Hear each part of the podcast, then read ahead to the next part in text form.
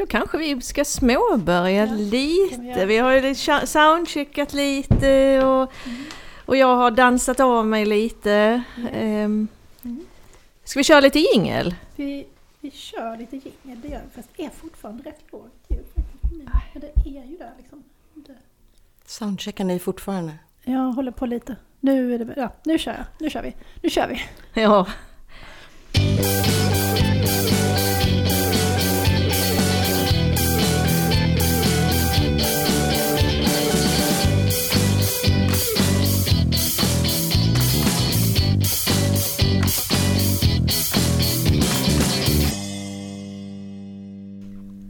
Ja, välkomna ehm, kära eh, lyssnare Till Flödet läser vår edition.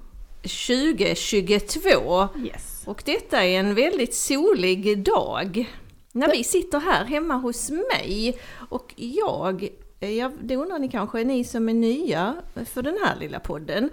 Och jag som pratar nu heter Lotta Davidsson Bask och mitt emot mig sitter den eminenta Klara Örnefelt. och idag eh, så har vi en, eh, en gäst här som inte är hemlig för att vi outade faktiskt det i eh, förra, eh, i förra avsnittet, i förra flödet avsnittet. Ehm, men om ni inte hörde det så undrar ni. Och då kan ju vi avslöja att den personen som sitter här är ett läsfrämjarproffs, eh, ett barnlitteraturgeni och bibliotekarie. Allt i ett liksom som ett Kinderägg, Ja. eller hur? ja, som ett festligt paket. Som ett festligt paket och dessutom kursare till Klara och mig. Ja, och dessutom vår bokklubbskompis. Och då, då ska vi eh, hälsa dig hjärtligt välkommen Petra Romberg! Ta-da-da! Tack så mycket. Och du ehm, utför dina dagliga plikter inom folkbiblioteken i Lund, kan Ja, vi säga, på Stadsbiblioteket. på stadsbiblioteket. Och där jobbar du framförallt med allt möjligt, antar jag, men framförallt. Mm, jag tänkte på det när jag gick hit faktiskt. Vad gör jag hela vad jobbar dagarna? jag med?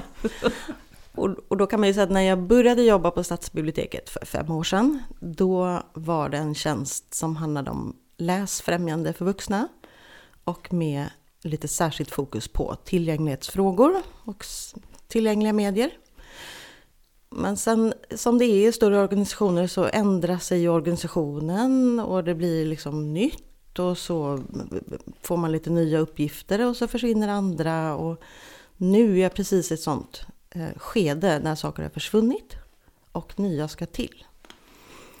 Så Ja. det är spännande alltså. Det är mycket spännande, men i botten ligger fortfarande det där läsfrämjandet som ju egentligen är ett ganska fånigt ord. Ehm, Varför det? Varför är det farligt ord? Jag vet inte riktigt vad det betyder. Att främja läsning. Mm. Mm. Att göra läsare av läskunniga. Ja, Tycker jag är en ganska fin definition. Att sänka tröskeln kanske. Mm. men då kan man ju säga i Lund så är det ju så, alltså det jag jobbar med i så fall som handlar om läsning för vuxna, det är ju eh, våra egenproducerade program, alltså bokcirklar, eh, shared reading-tillfällen, novellläsning, eh, sådana saker. Mm. Och i Lund så är ju de som kommer dit oftast inte människor som har det särskilt svårt med läsningen. Utan eh, de vill ju bara läsa mer och läsa ihop och läsa tillsammans. Ah, Så Lund är ju en akademikerstad. Men jag har några sådana tillfällen. Jag har bland annat en bokcirkel med vuxna som har funktionsnedsättning som jag har en bokcirkel med. Och som kommer fyra gånger per termin i normala fall. Och Och det blev en bok av den verksamheten också ju. Mm, deras lärare Jenny Friman har ju skrivit en bok som heter Lättläst bokcirkel, tror jag att det blev. Och de, de kommer väl från, från en verksamhet som heter Kulturcentrum Skåne? Precis. Men jag glömde faktiskt det allra viktigaste, att du har ju jobbat väldigt länge som skolbibliotekarie. Mm. Först inom grundskolan här i Lund på Gunnesboskolan och sen gick du ju till Polhemskolan. Ja, Och sen kom jag till Polhemskolan så att vi Precis. har ju också jobbat ihop.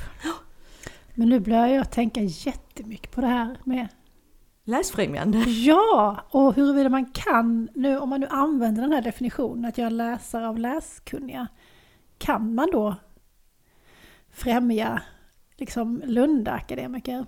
Ja, nej, men det är ett annat program. Men Det det, vi behöver ja. prata om det någon gång. Ja, för att det, det, det känns ju lite som att vi öppnade locket till Pandoras ask Ja. här. Ja, Så att vi återkommer. det får vi göra. Men jag ty- tycker ju ändå att alla har ju rätt att utvecklas från där, där där man är. Ja. eh, oavsett. Utforska nya genrer till exempel, eller nya världar, nya författarskap. Ja. Det här som jag gör, den här, eh, det här begreppet som heter shared reading, Mm. som ju är ett copyrightat eh, Koncept. modell ja, Ja. från Liverpool. Och det handlar ju ganska mycket om att göra läsare av kanske ovana läsare. Ehm, Men så använder vi det inte riktigt här i Lund när vi har liksom vanliga öppna, öppna tillfällen. Ehm, Men vi läser en text och man läser bit för bit och pratar ehm, om den bit man har läst. Man läser inte i förväg och man behöver inte förbereda någonting. Mm. Men, eh, men då har vi ju ibland använt oss av lyrik. Mm. Och då blir den mest vana läsare ganska plötsligt osäker, ovan och nervös. Mm. Ehm, Men när vi har hållit på och pratat om den här dikten i en timme så är det nästan alltid så att alla är jätteglada. Mm. Och intresserade och tycker att det blev så bra. Att man fick ut någonting personligt av samtalet kring en dikt. Mm. Så det är ju en slags läsfrämjande som man faktiskt kan ägna sig åt med, med Akademiker. vuxna akademiker. Ja, precis. Därför Mm. att, ehm, att, att göra det litterära samtalet lättillgängligt handlar ju det om att, eller tillgängligt för alla. Mm. Och prova något nytt. Men idag måste vi prata om eh, en annan stor läsnyhet. Vi måste säga något Eftersom om när vi spelar in Alma. nu så är det dagen efter att vi har fått reda på vem som får Almapriset 2022. Och det var ju en skräll, eller hur? Otroligt. Eva Lindström. Ja, Det var en skräll. Ja. Ja, en svensk. till Ja, eller hur? på 20 år. Och när det blev en svensk, att det skulle bli just hon. Fast Men det jag- tycker inte jag är ett dugg konstigt. Men Nej. jag måste säga Nej. att jag blandade ihop henne med en annan Eva Eriksson. Mhm. Som jag tyckte, och, och, om man nu får lov att tycka någonting om Almapriset så tyckte jag att när Barbro Lindgren fick det så tyckte jag att hon kunde fått det tillsammans med Eva Eriksson.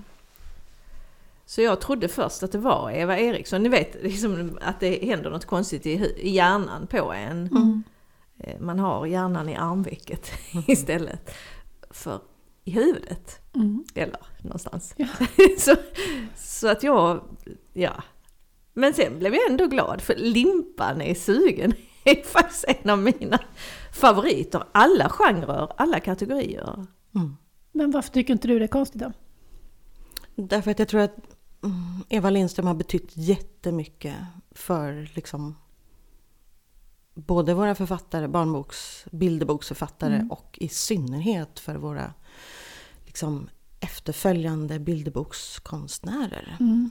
Det får man ju och man säga. kan ju liksom titta på Eva Lindströms utgivning från liksom 90-talet och fram till nu och se att en del av dem som liknar henne ganska mycket ehm, Mm. nu. Man kan se nästan till och med både text och bild att, att det liksom nästan är plockat. Att hon har liksom gått i så Ja, Otroligt i bräschen. Stilbildande har hon ju varit. otroligt stilbildande. Mm. Och sen har hon ju en sån... Jag vet inte, det är någon sån underfundig liten Mm. humor som... Man får liksom vara lite uppmärksam när man läser Eva Lindström. Och det här att, att text och bild är ett. Mm. På ett väldigt fint sätt. Jag har ju liksom verkligen fått kämpa mig in i Eva Lindström. Jag tyckte från början att det var förfärligt, verkligen. Jag tycker inte så fula jävla Du bilder. tyckte förfärligt? Ja. Oj. Och sen läste jag en bok där hon inte hade illustrerat utan bara gjort texten. Aha. Det Vad var något det om en hund, en, kanske en pudel, eller det var i alla fall, hon hade gjort texten. Och då plötsligt, då blev det bara så här, aha! Hon är ju en fantastisk författare. Ja. Och sen fick jag liksom gå in i hennes bildvärld via hennes text. Och lära mig tycka om den den vägen. Mm. Och nu kan jag säga att jag tycker om henne, men ehm, det är inte riktigt mitt bildspråk liksom. Det är ju lite lustigt. Men- men tänker jag att du som är driven liksom, bildläsare. Ja, jag vet. Jag Mm. tycker det är lite fult. Men det är väl också lite det som är grejen, att det är lite fult. Ja, exakt, och ibland är det fult och så är det roligt och bra, men ibland så tycker jag liksom bara att det är fult. Men, men fult alltså, det har vi ju pratat om i vår eh, barnboksklubb Bulk. Ja, När vi har pratat om, han är väl norrman, Ja, han ja. med bockarna bruse, där snackar vi ju fult. ja det tycker inte jag är alls lika fult. Va? Nej men du ser, det är en smaksak Ja, ja ju. men det, det Ja. är super Det är ganska likt får man ju säga. Ja, fast de är ju ro... Grällare. Ja, de är grällare. Jag gillar ju färg. jag kan det. ha svårt för Eva Lindström. Det är så mycket beige-toner liksom. Fast inte de tidiga. Nej, det är sant. Det har blivit liksom Mer och mer beigare och gult. beigare. Ja, Limpan är väl orange mest? Terrakotta? Limpan är sugen alltså. mm. Mm. Det Men finns ju så hör mycket. ni? Ja, vi måste gå vidare. Kära vänner! Ja, Vi har ju som eh, vi brukar eh, en gemensam bok och sen har vi då tagit med oss vars en. jeps. Och vi brukar väl börja med den Det gemensamma. brukar vi. Det brukar vi. Och den gemensamma boken idag är Älgkungen av Maria Hellbom. Jeps. Och det är en alldeles ny bok och då har jag kollat lite grann, eh, researchat Maria vem Hellbom. den här författaren är. Ja, och då visar sig att, att hon är ju psykolog och har jobbat länge inom cancervården. Men nu jobbar hon mer ja, administrativt. Och hon fick en skrivarkurs i julklapp av sin familj. För bara för några år sedan och sen gick hon och vann Bonnier Carlsens skrivartävling 2020 med manuset just till den här boken. Mhm. Älgkungen. Ehm, ja. Och hon har själv sagt att hon med den här boken vill förmedla vänskap, kärlek, sorg och glädje. Ja men typ livet självt. Ja. Så då kan vi köra. Ja. Och så har de flyttat till Lund tror jag. Oj. Jag jobbar i, här i, i trakten, Ängelholm eller något, Mm. tror jag. Tyckte jag läste att hon, att hon bor i Lund. Ja. Så jag har fått en till Du- du- Lunda barnboksförfattare. Ja, det är underbart. Mm. Vad är det vi har att göra med för bok här då? Vi kan väl börja med att säga att det är en HCG. Mm, det är en ganska tjock HCG och det som är roligt och som kanske också är ett exempel på att hon liksom är en eh, lite äldre debutant. Liksom. Att hon inte är nischad in i den här lite, lite konforma barnboksmarknaden. Att hon har gjort någonting lite helt eget. Ganska tjock HCG. Det är väl en högläsningsbok i första hand. Men det är ju lite ovanligt att HCG är högläsning. Alltså den är lite så här, inte den vanliga lättillgängliga barnboken. Nej, Oftast det är, ju det HC, liksom högläsningsböckerna HCF, lite yngre. Och sen är HCG-böckerna lite mer betonade på att läsa själv. Men här är det rätt tjockt. Jag har inte tänkt att det är en högläsningsbok Nähä, alls. nähä, okej. Ja, möjligen för en nioåring då, om man tänker HCG 9 till 12. Men, Ja, ja. Absolut. men en 12-åring ska väl kunna läsa det här. Vi kan ju säga någonting om den här boken så ni förstår denna diskussionen om höglösning. Eh, den utspelar sig ju i Jämtland i en liten byhåla.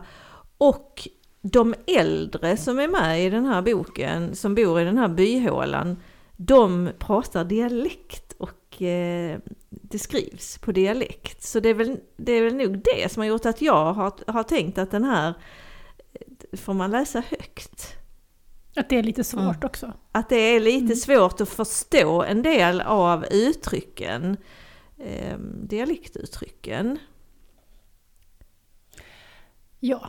Den blandar ju liksom nordisk mytologi och lite påhittad mytologi. Mm. med ett äventyr och med klimatkritik. Ja, Ja, den, har, den innehåller mycket. väldigt mycket. Vill du börja eftersom du ju är vår gäst, Petra?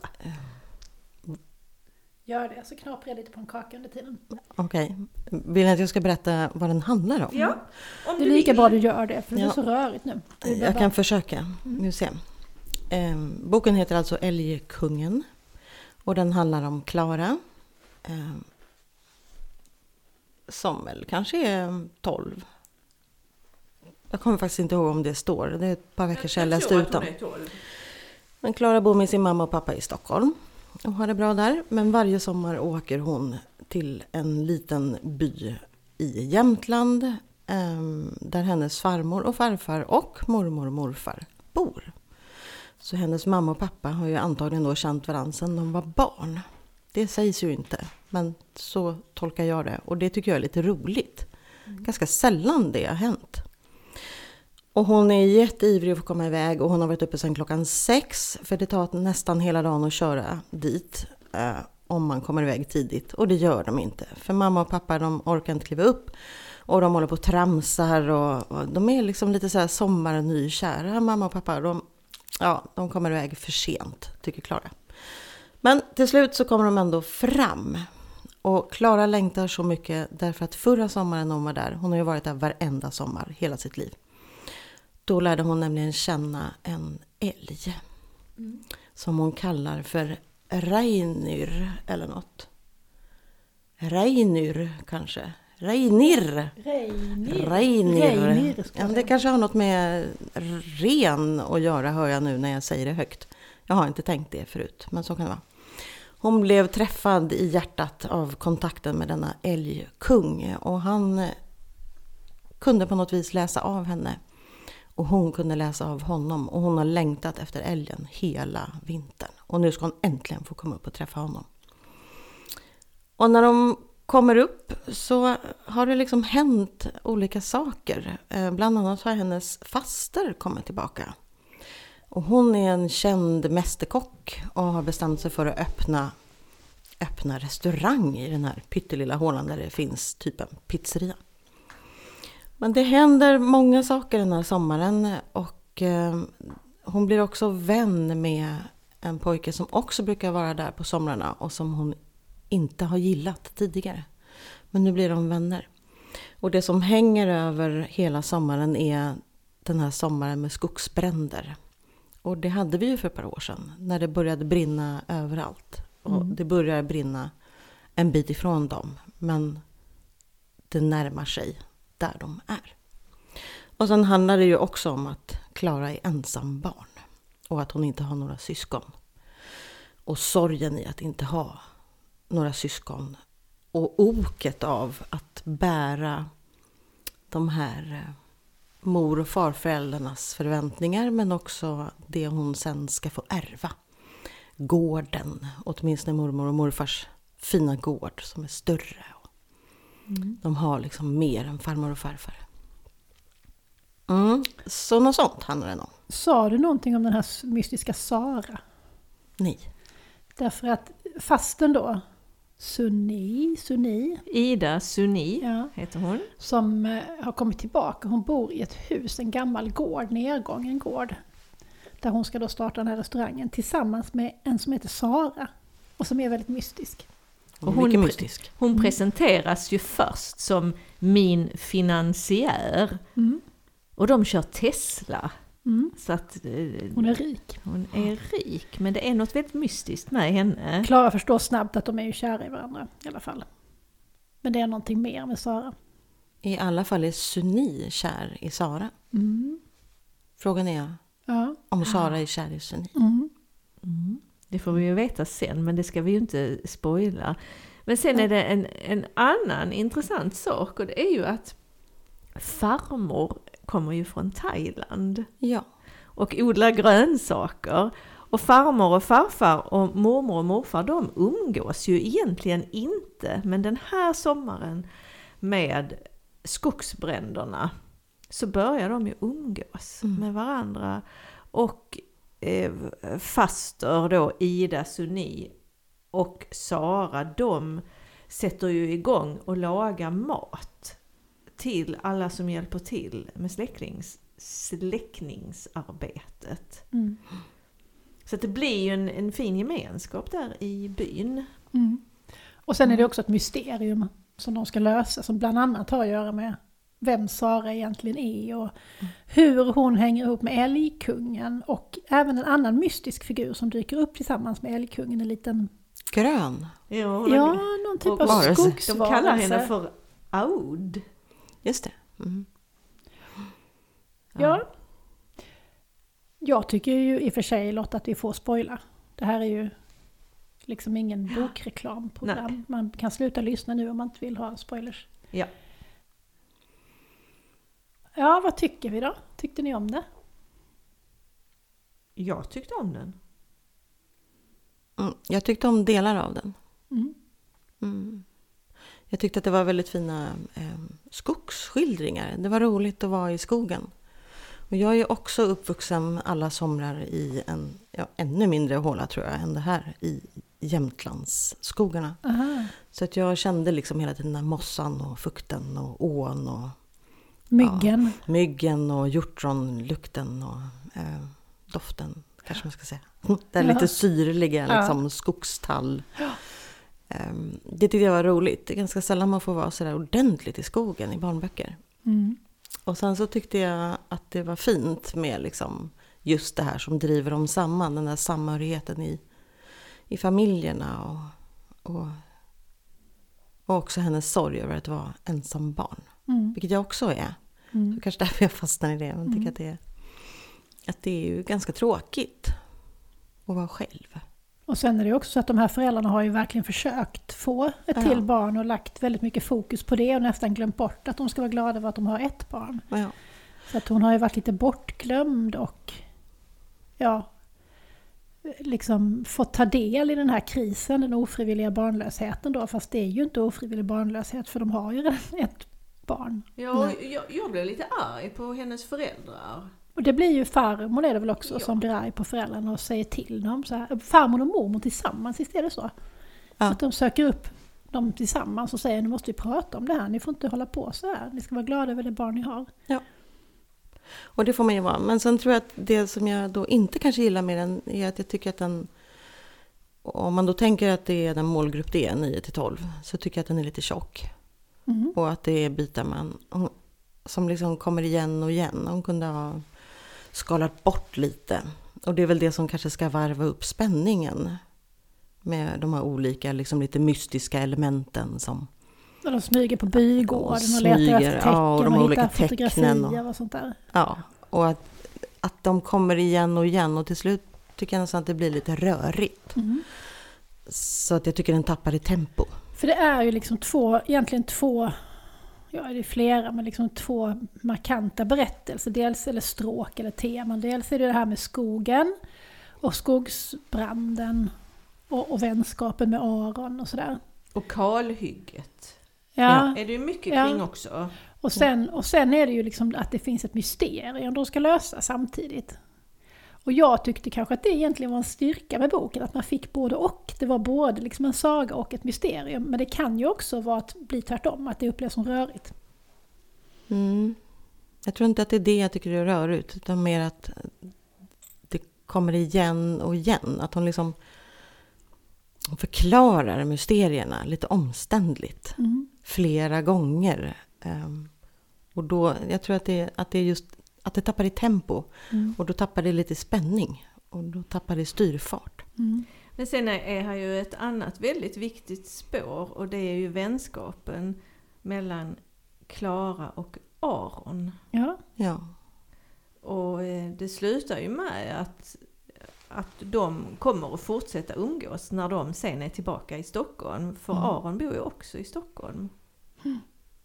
Och Aron vill ju gärna umgås med Klara men Klara vill inte umgås med I Ja, början, i nej, början. tyckte han var så Ja. himla tråkig och ville Mm. bara göra tråkiga saker och var rädd för allting. Var Han var han rädd också. för eh, och, eh, vatten. Och insekter och Ja.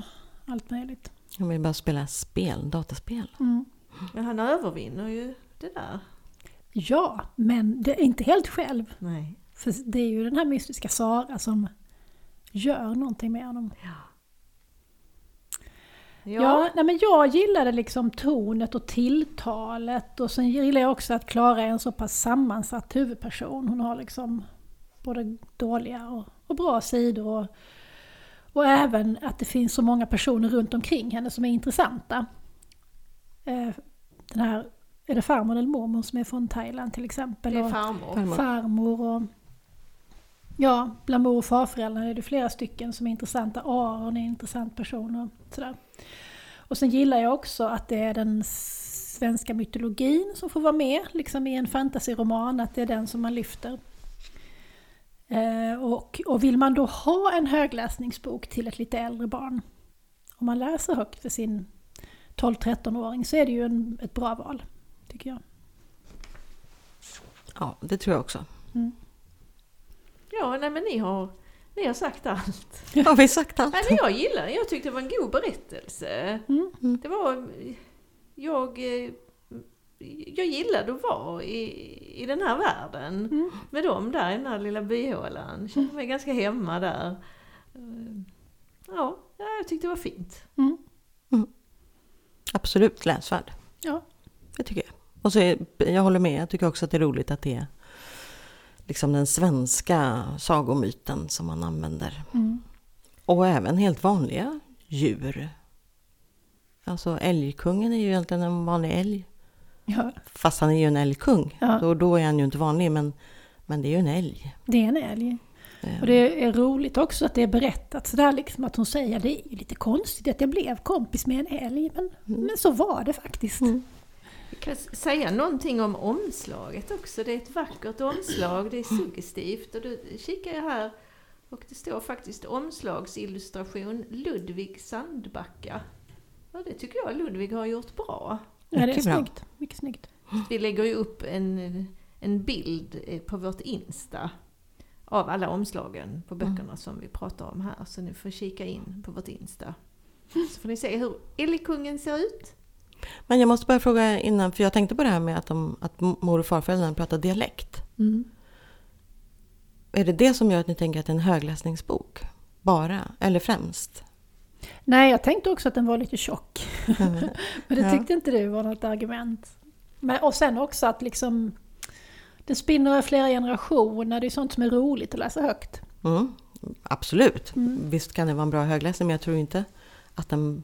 Jag tror ju att en, en normal, eller en god läsare i 11-12-årsåldern läser den gärna själv. Ja, Och då tror jag att man kanske gör sådär som man kanske själv gör ibland när man tycker att det var inte så noga. Att man liksom hoppar över där som man inte mm, förstår. med dialekterna. Mm, Ja, för det är ju inte jätteviktigt kanske som sägs på dialekt. Det är ju ofta är det ju mer lite bekräftande. Ja, så är det ju också förklarat Saker. liksom att det här är dialekt. Så alla ska ju förstå att, Mm, att eh, de pratar konstigt för att de pratar dialekt. ja.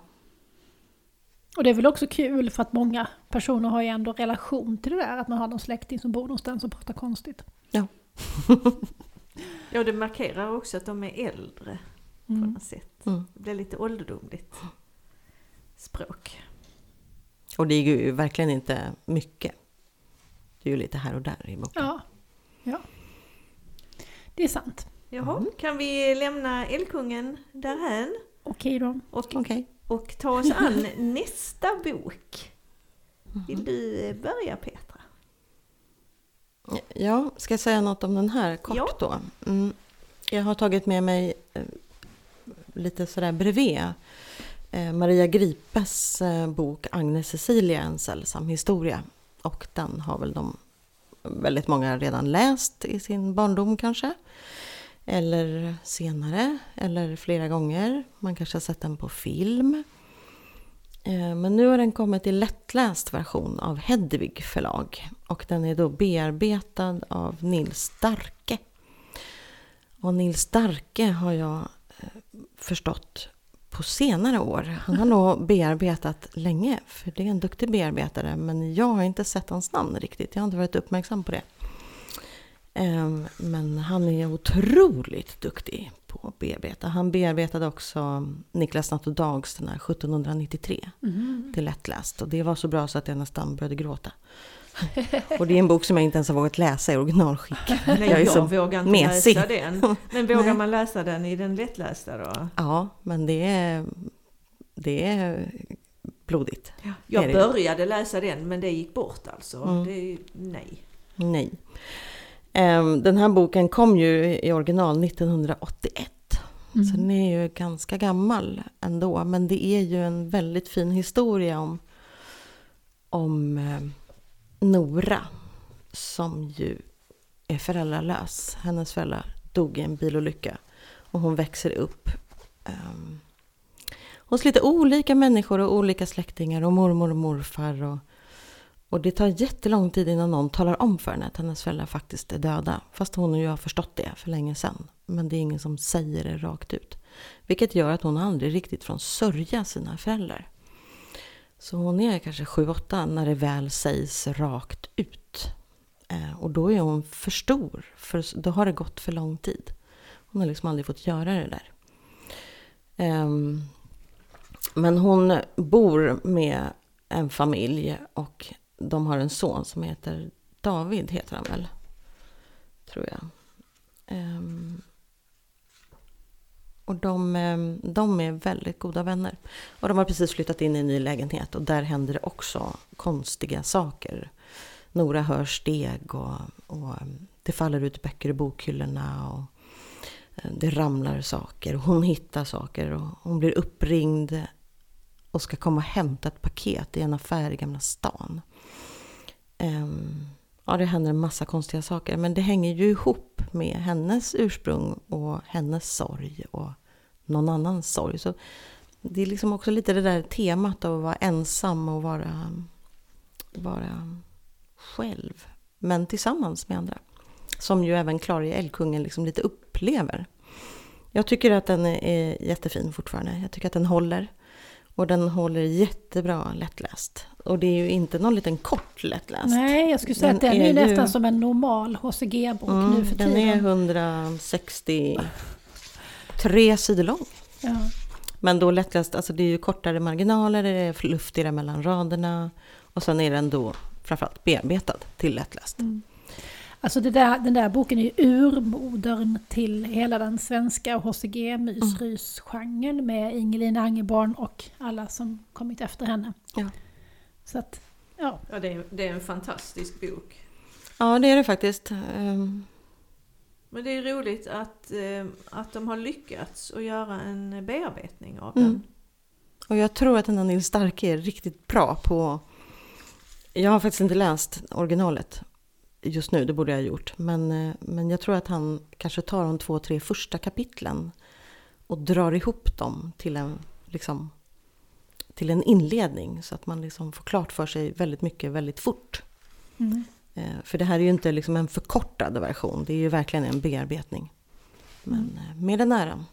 Och jag skulle vilja påstå att man faktiskt kan läsa den ganska långt upp i ålder. Om man liksom har läshinder av olika slag. Eh, Så tror jag att man ändå kan uppskatta den. För, för Nora och David är ju 15-16 år. De är ju inte några barn. Mm. Eller det är de ju, men inga småbarn. Nej. Liksom. Mm. Så, ja. Det kan jag rekommendera. Ja, Det är väldigt roligt det. att det kom. Tack för det. Och sen har du en till bok med dig ju. Ja, men Ja, du kanske vill ta du något inte- däremellan, vill eller Lotta? Okej. Ska jag ta min emellan då? Ja, Jo, men jag hade tänkt säga någonting om eh, Hajtänder av Anna Woltz. Och det är ju också HCG, så vi, det blir mycket HCG idag. Ehm, Anna Woltz, jag vet inte om vi har pratat om henne tidigare i podden, har vi det? jag kommer inte ihåg att vi har pratat Nej. om henne. Hon har ju liksom på kort tid eh, kommit starkt kan man säga i ehm, eh, ja, svensk, svenska utgivningen. Hon har kommit med tre böcker på tre år på Lilla Piratförlaget.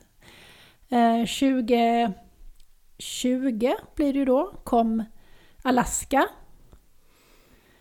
2021 kom Gips, eller När jag räddade hela världen på en dag. Och sen nu har då Hajtänder kommit.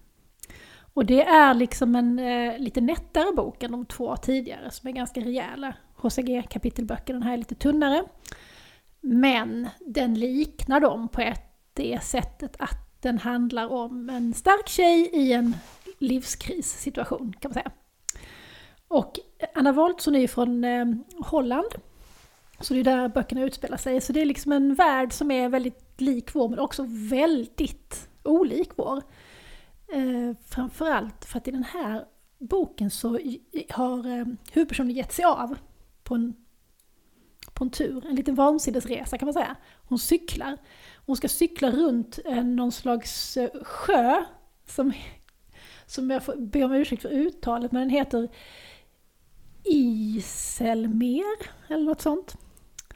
Och eh, ja, det ska hon göra av en anledning som är att alltså, hennes mamma har behandlats för cancer det senaste året. Och dagen efter ska de liksom, så har hon gjort en röntgen och dagen efter ska de åka till sjukhuset och få reda på, har, har behandlingen hjälpt? Är cancern borta?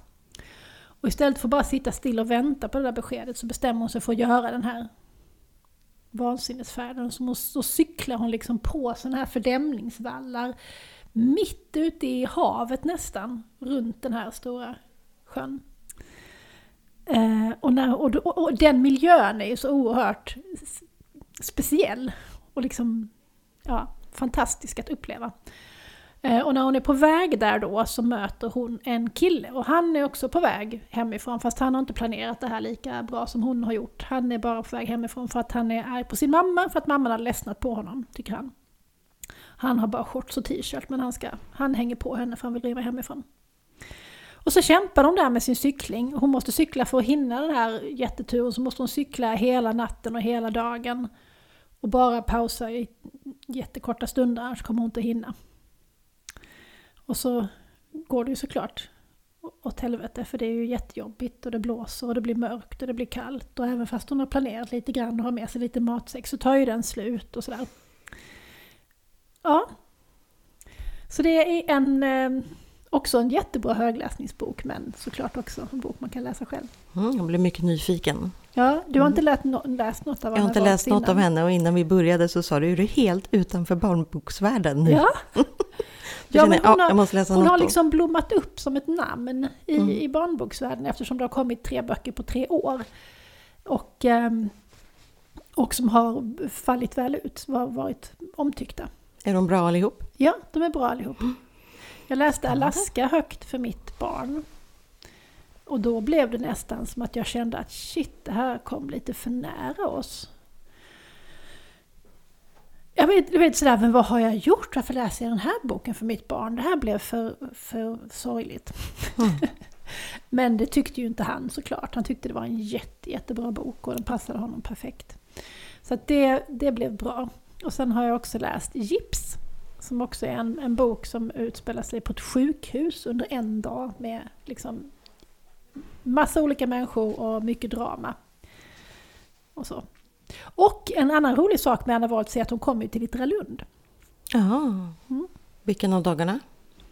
Ja du, nu blir jag faktiskt osäker på om det är på måndag eller tisdag. Hon kommer till konferensen helt ja, enkelt? Ja, hon kommer till konferensen. Mm. Det är ju så med HCG-författare som inte pratar svenska, att de är lite svåra att ha på skolprogrammet. Det är bara i alltså internationella, internationella skolan som kan egentligen ta emot de författarbesöken när det är på engelska. På ett rimligt sätt. Men en annan författare som också kommer till Litteralund sitter du ju och klämmer på där. Ja, och det är Sara Bergmark Elvgren. Och det är hennes eh, senaste bok som jag har med mig idag. Och det är boken Grimm. Och det är en eh, tonårsklassad bok. Eh, kan, kan läsas upp till unga vuxna. Ja, de går ju på gymnasiet, Verkligen. de som det handlar om. Så de, de går på gymnasiet och är äldre mm. också. Ja, den här utspelar sig i Stockholm, precis som hennes eh, förra bok, Norra Latin. Så det är lite grann i samma universum kan man säga. Ja, men det är det ju, det är någon av karaktärerna från Norra Latin som skymtar förbi i periferin där i Grim. Det har jag nog inte tänkt på. Jag läste det är- några latin och tyckte mycket om den. Men jag, jag ska erkänna att jag inte är riktigt klar med den. Jag tror jag har 30 sidor kvar ungefär. Mm. Men i alla fall, den utspelar sig i, i två tidslager. Dels i, i sent 1980-tal eh, i eh, dödsmetallkretsar. Death metal. Och sen utspelar den sig i nutid. Och det finns två huvudpersoner. Ska vi se, nu ska vi hälla upp lite, jag blev lite distraherad här, vi häller upp lite mer te här. Nu tog det ju slut, Clara. Nu tog det slut. Mm. Eh, jo, det är två huvudpersoner. Dels är det i, i nutid eh, en kille som går på gymnasiet, som går estetisk på gymnasiet, eh, som heter Kasper. Och han, eh, han brottas med lite psykisk ohälsa, han har jäkligt taskig självbild. Han har varit med om något tråkigt med sina bästisar som har präglat honom ganska mycket. Eh, men han får i alla fall ett sommarjobb på Gröna Lund i spökhuset House. Och det betyder jättemycket för honom. För där får han nya vänner och framförallt så lär han känna Iris. Som har jobbat där eh, lite längre i det här huset och de blev väldigt goda vänner. Eh, ja, och Iris upptäcker han direkt när de träffas att hon har en tatuering. Och den här tatueringen det är Dark Crueltys logga. Och Dark Cruelty var ett mytomspunnet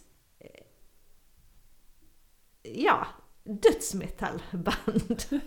Death metal band i Stockholm på eh, 1980-talet. Och Kaspers pappa Håkan var en av frontfigurerna i det här bandet. Det är så roligt att han är liksom en vanlig pappa som heter Håkan. Som var death metal-stjärna liksom i sin ungdom. Ja, För så är det ju ändå liksom. Alla blir ju gamla och heter Håkan sen liksom på slutet. exakt. Är vanliga gubbar. Eh, men i alla fall, eh, så det här bandet upplöstes efter ett år. Och det var för att deras karismatiska sångare Grim avled under oklara omständigheter. Eh, och det blir så här att genom Iris fascination för Dark Cruelty så, så eh, blir också Kasper, ja han blir liksom sporrad att ta reda på vad var det egentligen som hände med Grim eh, den där eh, sommaren. För att hans pappa har inte velat prata om det. Ja, och sen så då i vartannat kapitel så åker vi tillbaka i tiden till 80-talet. Där vi får följa eh, Håkan och, eh, och, eh, och Grim och, och de andra i bandet. Och, och i vartannat kapitel är vi i nutid. En viktig sak att nämna är ju också att Alltså Grims, Grim är ju artistnamnet. Hans riktiga namn är ju Kasper. Ja, Så att Kasper är ju döpt efter honom och Ja. deras, hans födelse, deras födelsedagar hänger ihop och Grims dödsdag hänger Ja, ihop. De de ligger liksom har- precis efter varandra i tid. De Ja. ligger liksom nära varandra. de har ett band trots Hans att... eh, födelsedag har alltid varit i samband med Grims dödsdag och sådär. Ja, trots att, att Grim dog ju långt innan Kasper föddes. Precis, men han har liksom vuxit upp i skuggan av Grim kan man säga och sin berömde namne då. Men det hela accelererar när Kasper börjar göra sitt gymnasiearbete om Grim. Och han tecknar Grim och det, det händer övernaturliga saker. Eh, och ja, det, det är faktiskt väldigt, väldigt spännande. Och eh, detta universum som Sara Bergmark Elfgren eh, bygger är eh, väldigt tätt Mm. och väldigt bra och jag, jag, tycker om karaktärerna och hur hon, hur hon beskriver dem. Jag gillar dialogerna, jag gillar miljöbeskrivningarna och, och den här spänningen.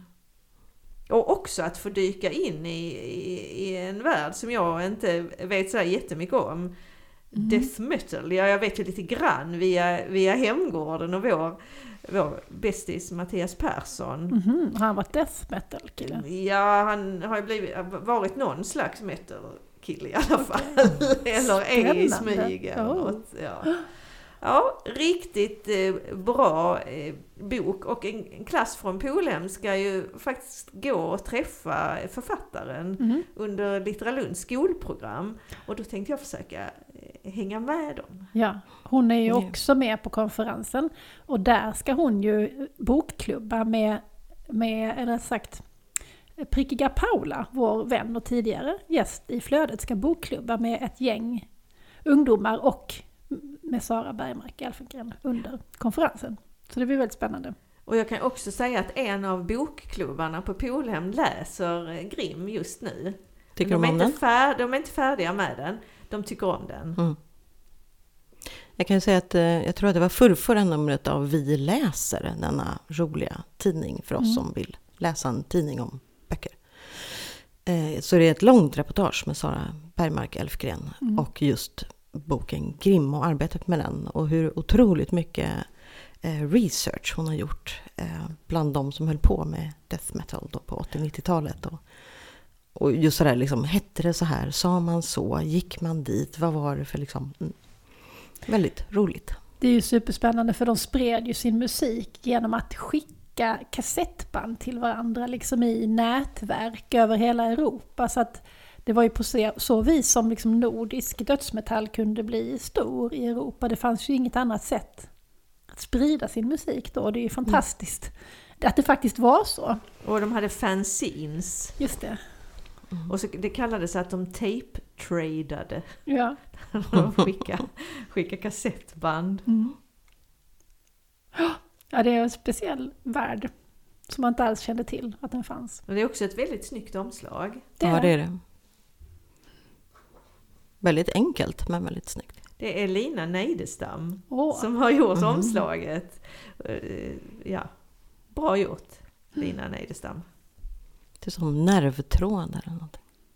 Ja, eller sådana där, du vet, när det är ett sånt där, sån där ljusblixtar liksom. Mm. Mm. Elektromagnetiskt ja. ljusfält. Ja, något sånt.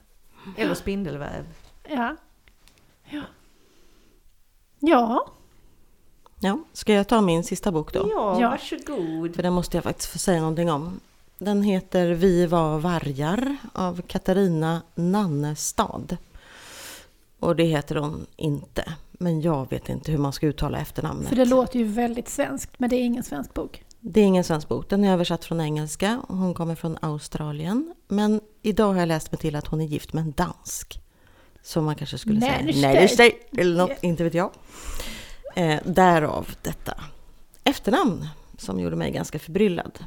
Eh, hon verkar vara ganska känd i Australien, har skrivit flera barnböcker och bilderböcker. Det verkar vara ganska mycket HCG-kategorin och det är det här också, en HCG. Men det är en ganska allvarlig bok eh, och den handlar om något som tydligen förekom på riktigt i eh, liksom framförallt mot slutet tror jag av andra världskriget, eh, något som man kallade för Wolfskind. Det var alltså föräldralösa barn som, eller som hade kommit ifrån sina föräldrar under slutskedet av kriget som, eh, som uppehöll sig och drev runt i skogarna i Ostpreussen. Och det här är familjen Wolf. Eh, och de eh, bor i en liten halvliten stad i Ostpreussen. Och när boken börjar så är det i oktober 1944, så det är verkligen mot slutet av kriget. Och deras pappa eh, har ett fel på benet, han har varit med om en olycka så att han liksom får dra sitt ben efter sig. Så han har inte varit inne i kriget hittills. Men precis när boken börjar så har han blivit inkallad eh, till Hitlers armé. Um, och Otto som är sju år är rasande på Hitler. Han skriker bara att Hitler är en padda. Och alla försöker få tyst på honom. Hela familjen försöker få honom att hålla tyst. Um, för man får inte säga att Hitler är en padda. Och han blir bara argare och argare och skriver att eh, han är en padda med vårtor. Och, alla, ja, hela familjen försöker liksom få honom att lugna ner sig. Och Lisel tycker att så får man ju inte heller säga om vår kära herr, herr Hitler. Um, men hon är nog egentligen den enda som fortfarande har kvar den bilden av Hitler som någon slags idolisering i familjen. I familjen bor både mamma, pappa, farmor, farfar och Lisel som då är 11-12 år, Otto som är 7 och lillasyster Mia som är 1,5 år. Eh, och pappan kallas in och ganska raskt efteråt så får de besked om att han saknas i strid. Och sen tar det ett par månader och sen är de tvungna att lämna allt.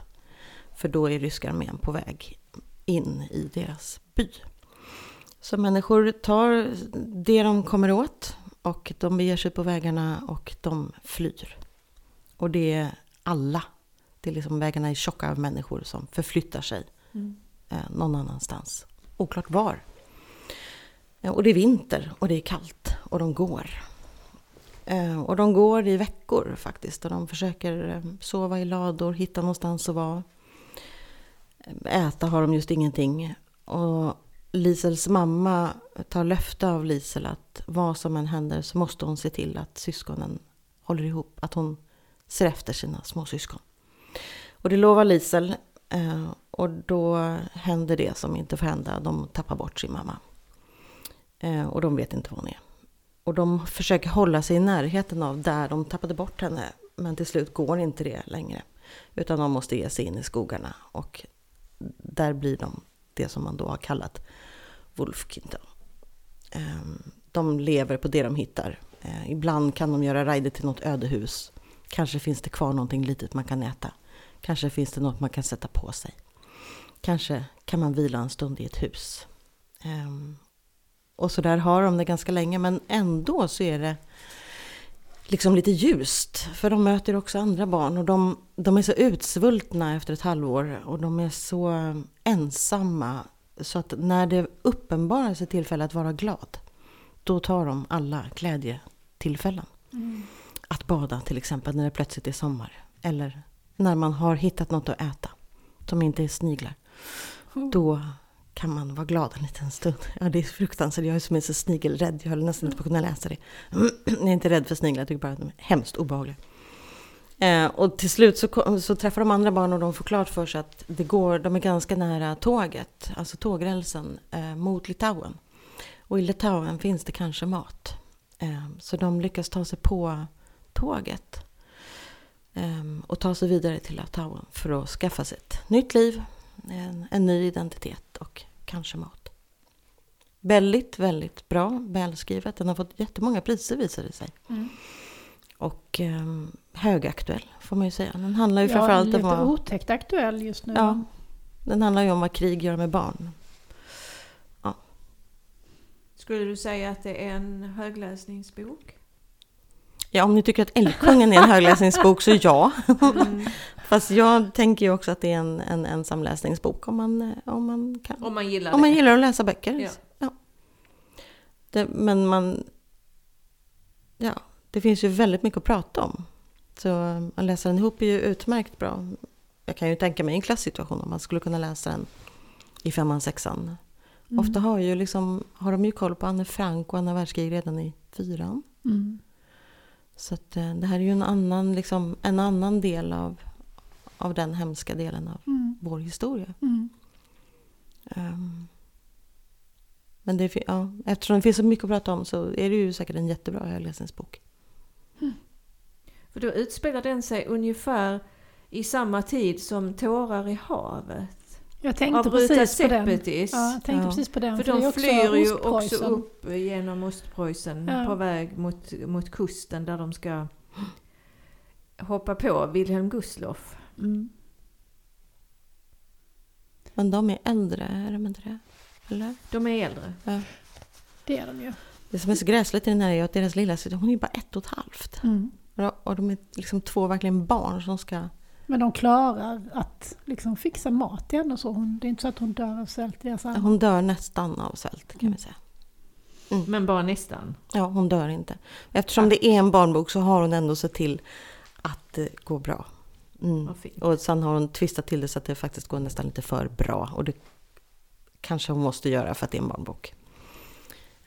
I mina vuxna ögon kunde hon låtit bli med det. men, men det gör inget. Det är, det är trots allt en mellanåldersbok. Mm. De slutar nämligen tro, Otto säger någonstans att eh, det finns inget lyckligt slut för oss. Ehm, men, men det blir det ändå. Ja, jag blir jättesugen på att läsa den där. Ja, jag också. Mm. Ja, jag tyckte att den var väldigt, väldigt fin. Mm. Sen är det faktiskt lite illustrationer, bara precis när varje kapitel börjar. De är också fina. Blyertsteckningar. Mm. Den är, det översatt, någon- ska är vi säga. Någon, i, i, någon svensk illustratör som har... Nej. Det är det inte. Eh, Men den är översatt av ehm, Sabina Söderlund. Och den här skrevs 2020 då på engelska. Så att det är ju ändå, men den har kommit precis nu liksom på svenska. Mm. Vilket förlag var det? Det är Harper Collins. Jag visste inte ens att de gav ut barnböcker. Jo. Och är ofta eh, mycket bättre än man tror. Mm. Så får man kanske Jag inte vet säga. inte om jag, jag tror jag glömde att säga att Grimm är utgiven på Rabén och Sjögren. Mm. Det glömde du att säga, men det hade vi ändå lagt upp på Instagram Ja. så det hade inte gjort något.